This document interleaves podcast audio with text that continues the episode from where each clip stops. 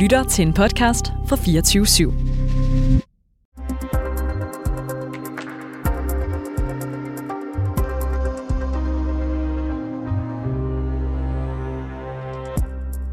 Må man brænde hellige bøger? Spørgsmålet deler Folketinget og vækker glæde i den muslimske verden, i hvert fald det, at bliver taget op. Men hvad mener danske muslimer? I reporterne har vi i dag inviteret et panel af muslimer til at fortælle om, hvordan afbrændingerne af Koranen påvirker dem, om vigtigheden af religion, og til en diskussion af, hvor grænsen for religionskritik går. Det er altså reporterne i dag. Mit navn det er Oliver Bernsen. Velkommen til.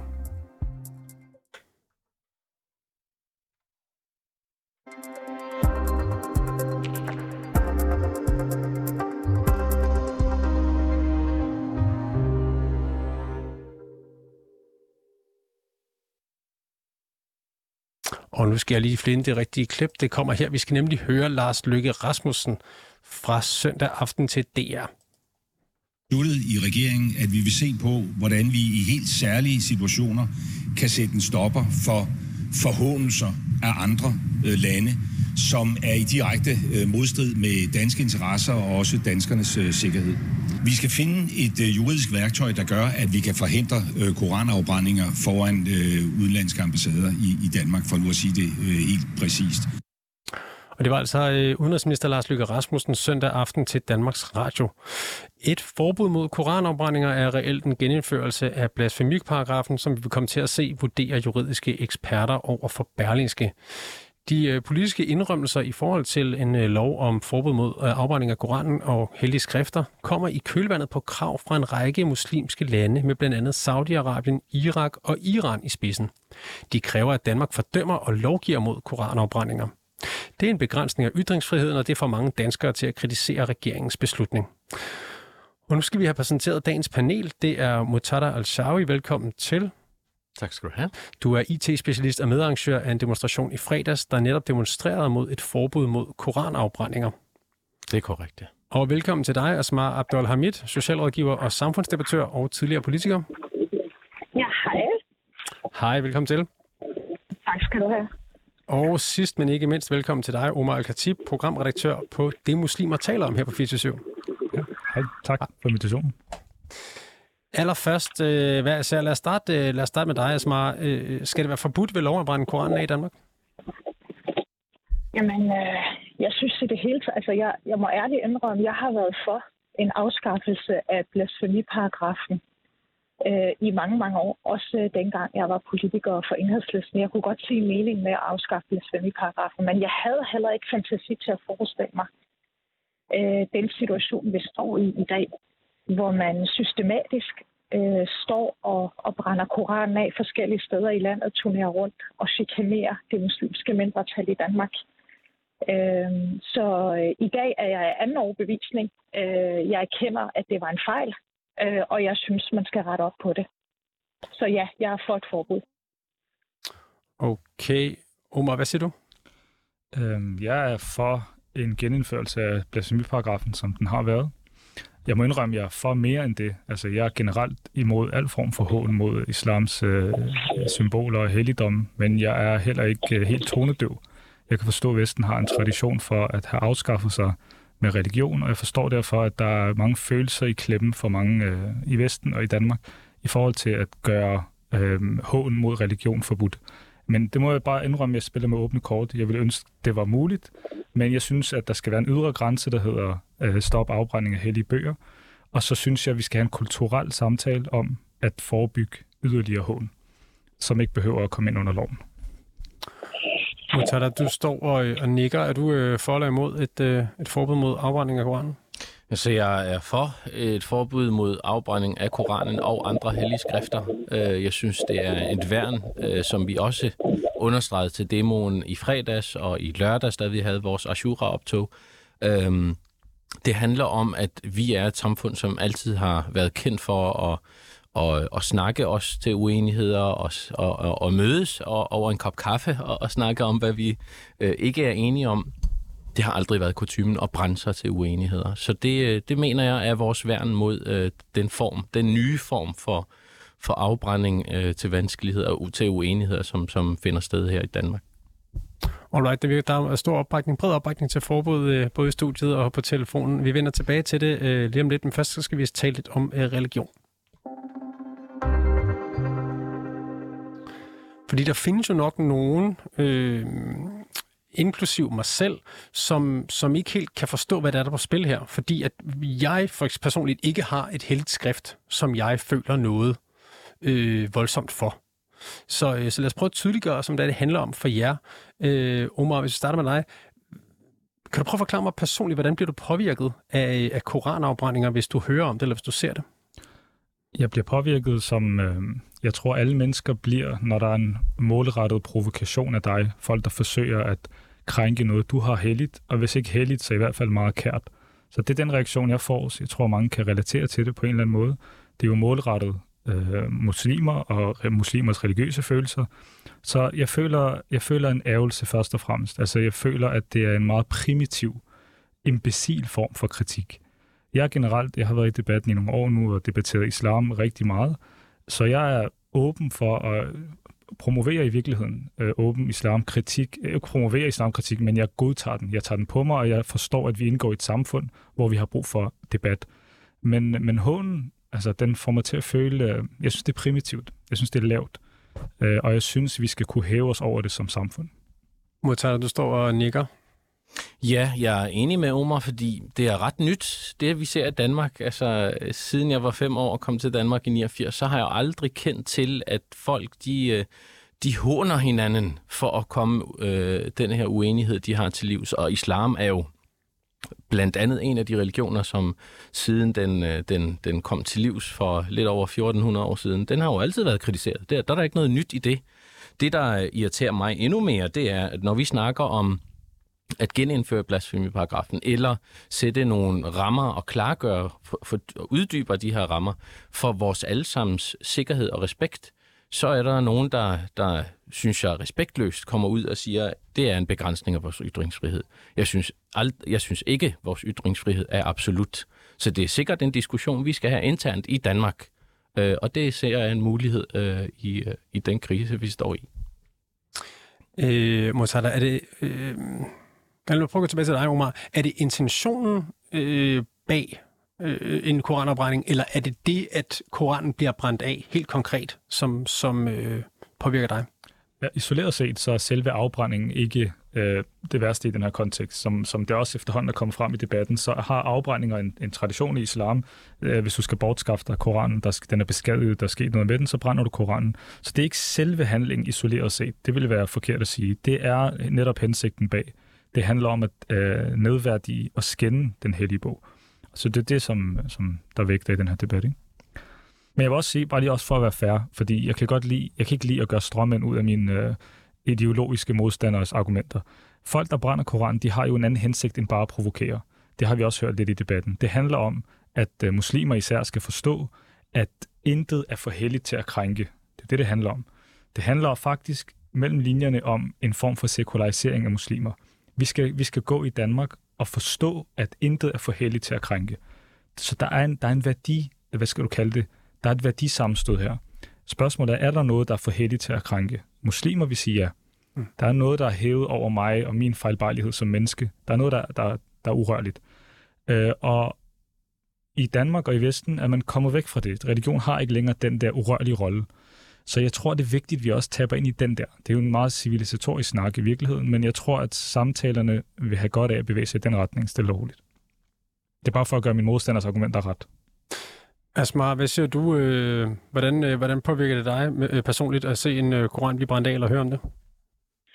Øhm, altså, det er en samtaleemne hos, hos mig og også hos min omgangskreds og folk, jeg møder på tværs øh, øh, af geografi, i hvert fald i Danmark, når vi, når vi taler om det. Jeg, jeg vil sige, jeg, op, jeg oplever det ikke som en provokation. Øh, jeg oplever det som en trussel. Øh, jeg synes, det at stå og brænde, altså det her, det er jo ikke bare øh, en flok øh, mennesker, der står og har en holdning til, øh, til religionen islam som sådan. Det er nogle mennesker, som står og brænder det af. Øh, og jeg ved godt, at øh, sekular øh, eller ateister har svært ved at sætte sig ind i, hvad det føles, men det er jo også som om, at man får hævet det ned over hovedet som religiøs, at man skal adskille bogen fra menneskene. Og det kan man ikke som, som religiøs. Altså, øh, når man følger Koranen, og man bruger Koranen som livsstil, og for os betyder det jo fred og nådighed og barmhjertighed, og, og man så ser, at, at det står og bliver brændt af. Jeg oplever det som en trussel. Øhm, jeg går, når jeg ved, hvor Rasmus Paludan befinder sig, jeg går en stor bu udenom. Fordi jeg ved ikke, hvad det her kan føre til. Øh, så jeg adskiller ikke øh, afbrændingen af Koranen fra holdninger til, til de mennesker, der følger Koranen. Øh, og, øh, og den her situation, vi står i lige nu, hvor 52 forskellige lande har taget stilling til det her, den bevidner, at man netop ikke kan skille det ad. Øh, og, og det her, det er jo også en, et nyt input til debatten i forhold til, jamen, hvad er det for nogle narrativer, vi bruger, når man laver lovgivning? Hvad er det for nogle narrativer, man bruger, når man, øh, når man har debatten? Øh, og narrativet har været på et sekulært grundlag, som ikke har taget højde for, altså et subjektivt sekulært grundlag, som ikke har taget højde for de mennesker, det egentlig omhandler. Hvor man har fået påduttet og skille det ad. Og de facto kan det ikke skille sig ad. Jeg oplever det som en trussel, det vil jeg ikke lægge skjul på. Jeg oplever det snart, øh, og jeg bliver helt vildt utryg.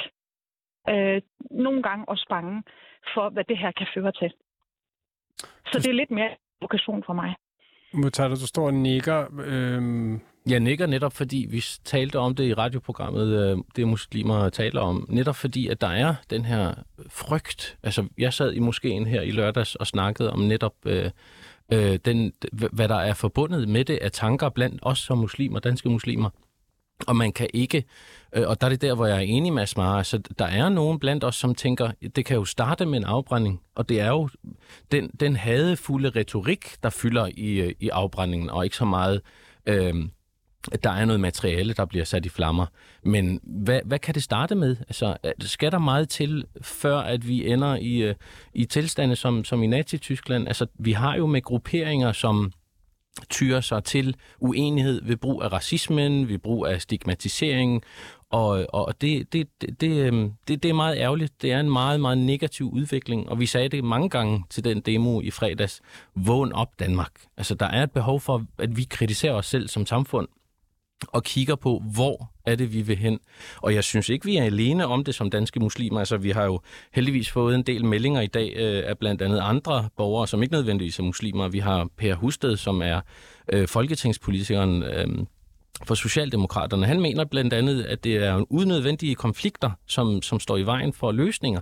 Vi har jo altid været kendt i Danmark for, at vi er løsningsorienteret, og vi, øh, altså, vi bryster os med, at det er den eksempel, vi har i verden, som andre skal følge. Hvordan kan vi præsentere, hvordan kan vi tillade os at præsentere noget på den måde øh, ude, ude i den store verden? Du... Altså, jeg tænker, at må jeg supplere, altså hvis der var nogen, der stod og brændte regnbueflaget af i en systematisk manifestation og under Pride, så er jeg ikke i tvivl om, at homoseksuelle i Danmark vil føle det som et angreb på dem, og ikke bare et angreb på fladet. Øh, og det samme med Koranen. Man står og brænder Koranen af velvidende, at den betyder så meget for de muslimer, der følger den. Og man kan ikke skille mennesket fra symbolet på den her måde.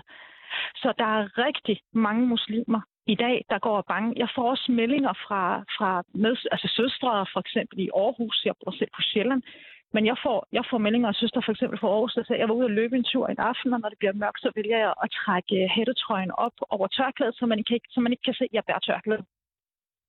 Og, og så nogle meldinger har vi rundt omkring i hele landet, hvor, hvor alt det her, jamen det munder ud i de facto frygt, og vi har vores børn, der spørger os, hvorfor er der en som Rasmus Paludan, der står og mm. brænder Koranen af? Det er den Koran, vi åbner hver dag hjemme. Øh, vi bruger den i bøn. Øh, vi bruger den til at falde til ro. Vi bruger den under meditation. Altså, vi bruger den som en positiv, et positivt indspark i vores hverdag, der er med til at gøre os til bedre mennesker. Og så ser vores børn, at der står en mand, og de kan jo se det på YouTube, de kan se det i fjernsynet, de kan, se, de kan høre om det i skolerne, om at der står en mand og brænder det af. Altså, det, det skaber en frygt i minoriteten, og jeg havde savnet lidt, at man havde taget det menneskelige perspektiv ind i det her. Altså, vi, vi muslimer er ikke følelsesdøde. Mm. Altså, vi går faktisk af bange. Men, vi øh... går og frygter, hvad det her det kan føre til. Mortar, du nævnte, du nævnte Nazi-Tyskland før. Øh, hvad tænker du, når folk de vender det argument om og bruger ytringsfriheden øh, og siger, øh, ytringsfriheden trumfer jeres hensyn eller hensynet til religiøsiteten? Altså det, det er vores ytringsfrihed at brænde en bog af, og så må folk bare blive provokeret eller øh, leve med den provokation. Fordi hvis ikke vi har den ytringsfrihed, så øh, kan vi havne et totalitært sted, hvor vi ikke må sige, hvad vi mener, alle Nazi-Tyskland. Jamen, der vil jeg vælge at sige, at... Øh at, at jeg kan godt forstå øh, det den pointe, men alligevel ikke, når jeg siger, jamen, det er jo hund og had. Jeg ved, jeg ved, jeg kan aldrig forstå, hvordan man kan vente om og så sige, jamen, det er ytringsfrihed, at man kan slå på nogen, eller at man kan øh, sætte brand øh, og ild til noget, som nogen holder af. Øh, det er meget, meget... Øh, et meget ukendt øh, ideologi, som, som jeg i hvert fald ikke har set i Danmark før, øh, før øh, nu. Øhm, og, og det gør mig endnu mere irriteret, at når vi gerne vil snakke en løsning, igen, jeg vil jo for eksempel være en af mange muslimer, som har takket ja til, øh, til de initiativer, der er blevet taget til at en løsning. Jamen, hvad er det, vi skal gøre? Øhm, det, det synes jeg kun har været godt, at politikerne har hørt om, hvad der rører sig i, øh, i, øh, i samfundet, og hvad der er tale om, når der taler om koranafbrændinger. Øhm, men jeg synes ikke, det lever op til altså det, det initiativ, hvor, hvor man kalder til, at man af sikkerhedspolitiske grunde øh, øh, vælger at, at tage en, et, et lovforslag om at af, afbryde, eller hvad hedder det, forbyde afbrænding foran ambassader specifikt, og ikke kigge indad, hvor stor en, en, en frygt, hvor stor en irritation, hvor stor en påvirkning det kan have på vores samfund internt, frem for at at true sig af andre lande udefra. Det, det synes jeg er også meget bekymrende, bekymrende for mig som, øh, som borger. Det, det vender vi lige tilbage til, det, fordi det er også noget, vi, vi, jeg rigtig gerne vil høre jer om. Men først så spiller jeg lige et uh, hurtigt klip med uh, en imam, der hedder Falah Malik, som vi talte med i går.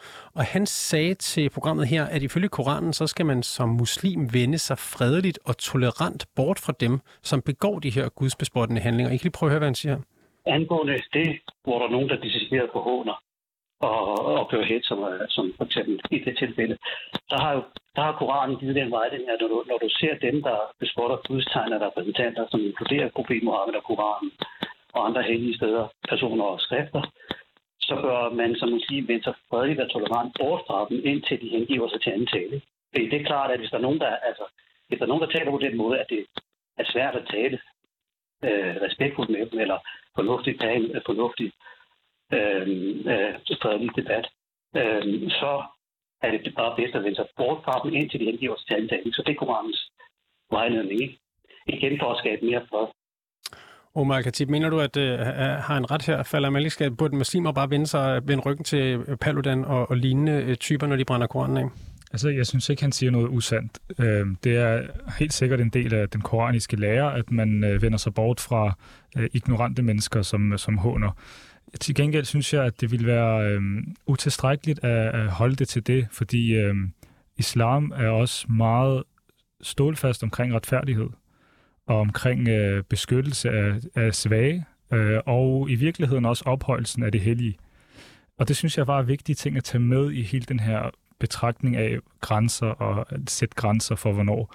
Muslimer har i øvrigt igennem hele den her periode netop gjort det der, vendt sig bort og kigget væk. Altså, vi har ikke haft i Danmark, for uden meget, meget få tilfælde. Den, den store majoritet af muslimer i Danmark har netop gjort det her. Vendt øh, kendt til, som man siger, ignoreret, forsøgt. At, men problemet er, at øh, det fortsætter jo. Det bliver ved, indtil øh, det virker til at blive ved i hvert fald, og bliver værre. Øh, og, og alle mennesker har en grænse et eller andet sted. Så jeg synes heller ikke, vi skal, vi skal fremmedgøre os selv som, som mennesker med følelser, med reelle følelser, ligesom andre mennesker. Og så, og så snak, lad os snakke værdier. Det, det handler egentlig også om at sige, hvilke værdier skal samfundet være formet af. Øhm, ikke bare, at når man vender, den, vend, vend det blinde øje til. Hvad er det for nogle værdier, vi gerne vil have, skal fylde i det offentlige rum? Øhm, og det synes jeg bare er en interessant debat. Asma Abdulhamid, du mener, at øh, koranafbrændinger er hadtale. Har du sagt, hvorfor det? Jamen, øh, jeg oplever det som hadtale, fordi det rammer de mennesker, det, som følger Koranen. Altså, jeg, jeg, jeg, jeg mindes ikke og kan forestille mig en mere alvorligere manifestation, end at stå og brænde noget af. Øh, det, det, øh, altså, jeg har svært ved at sætte ord på, hvor voldsomt jeg synes, det er, og hvor utrygt jeg synes, det er.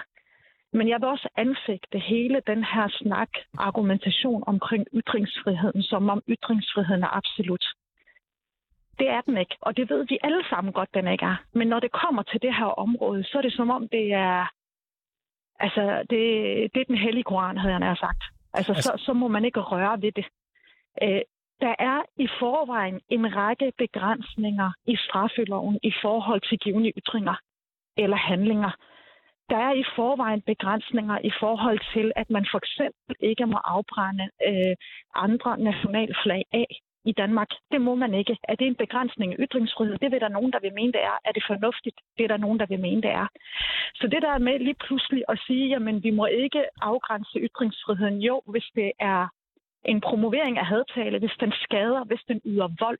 Og her, der yder den vold.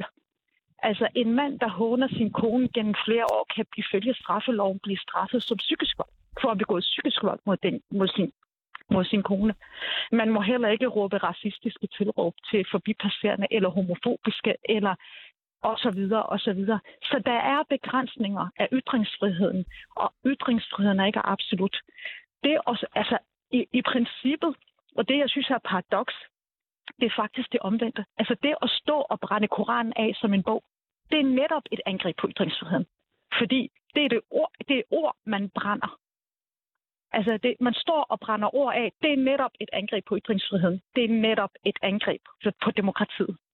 Og når man ikke kan vente om, og så se det på den her måde, så kan jeg, så kan jeg sidde tilbage og tænke, jamen, er, der, altså, er det kun, når det går ud over muslimer, at man påråber sig retten til at ytre sig? Men når det går ud over alle andre, så, der, så, har man, altså, så kan man jo godt se det menneskelige ved at sige stop for had. Mm. Vi har jo blandt andet en hadprædikantliste, og vi har hele, øh, hele spørgsmålet omkring hadprædikanter. Altså bare, bare definition af en hadprædikant, som egentlig er en, der skaber had og, og, og, og, og, konflikt osv. Men det er forbeholdt religiøse forkynder.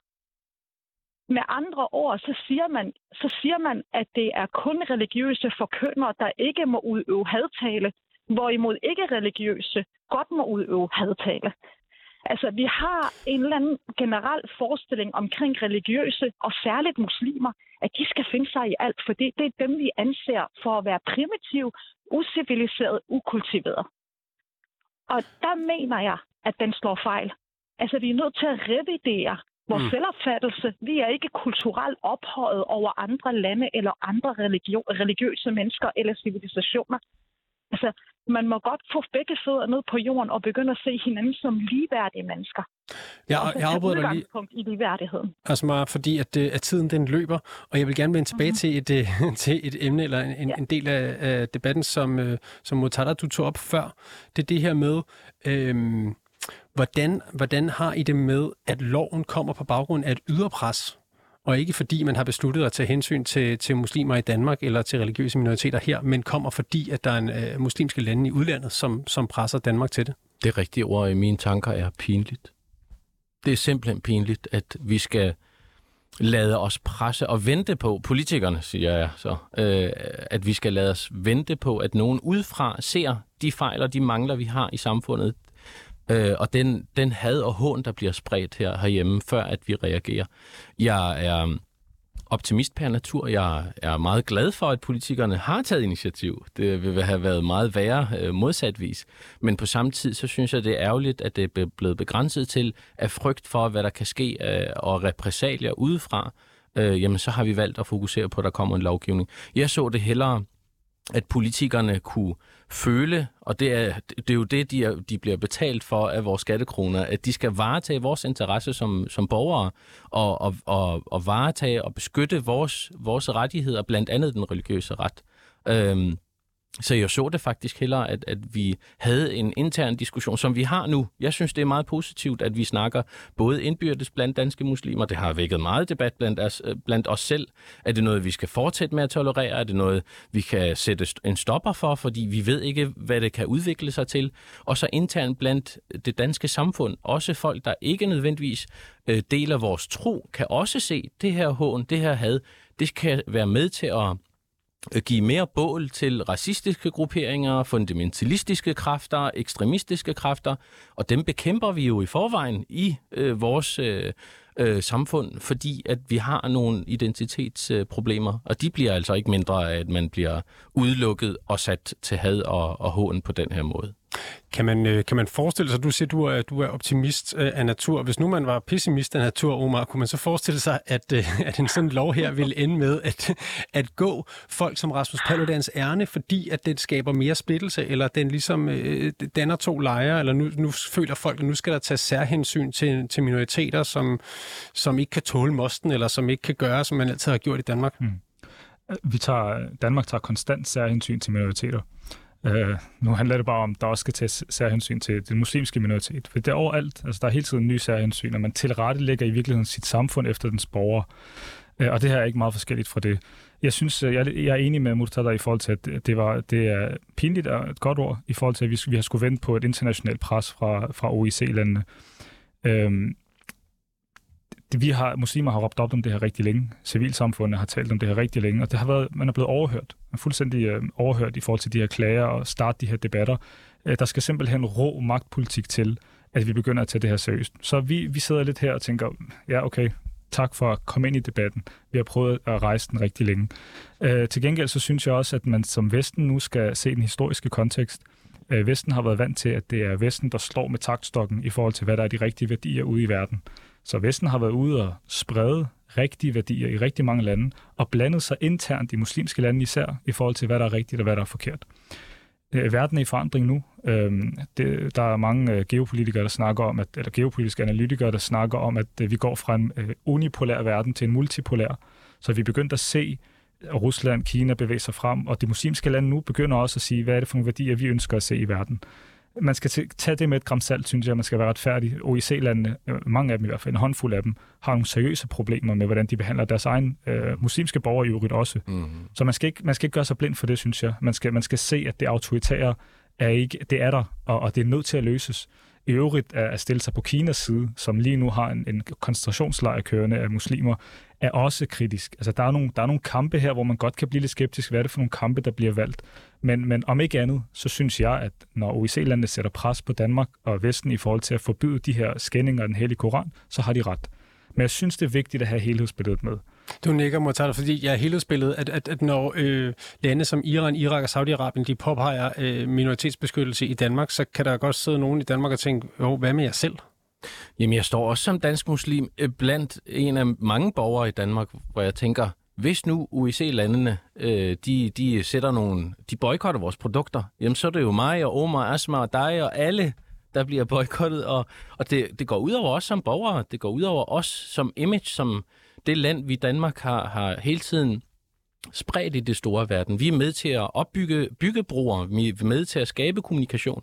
Hvordan har vi været med til at altså sætte det billede af os øh, som Danmark ude i det store verden på den her måde. Det synes jeg er ærgerligt.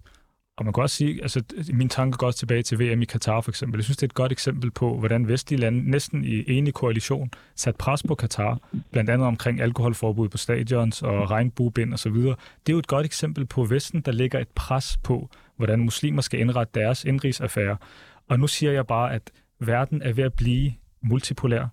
Det betyder, at vi skal tage stilling. Vi taler jo her som, som muslimer i Danmark, så vi har et ejerskab over, hvad det vil sige at være dansk osv. Vi prøver at starte den debat. Men det kan godt være, at Vesten ender med at sige, nej, ved du hvad, det skal være helt fint at skænde hellige bøger, og så må muslimer tage stilling til, om det er noget, man må acceptere.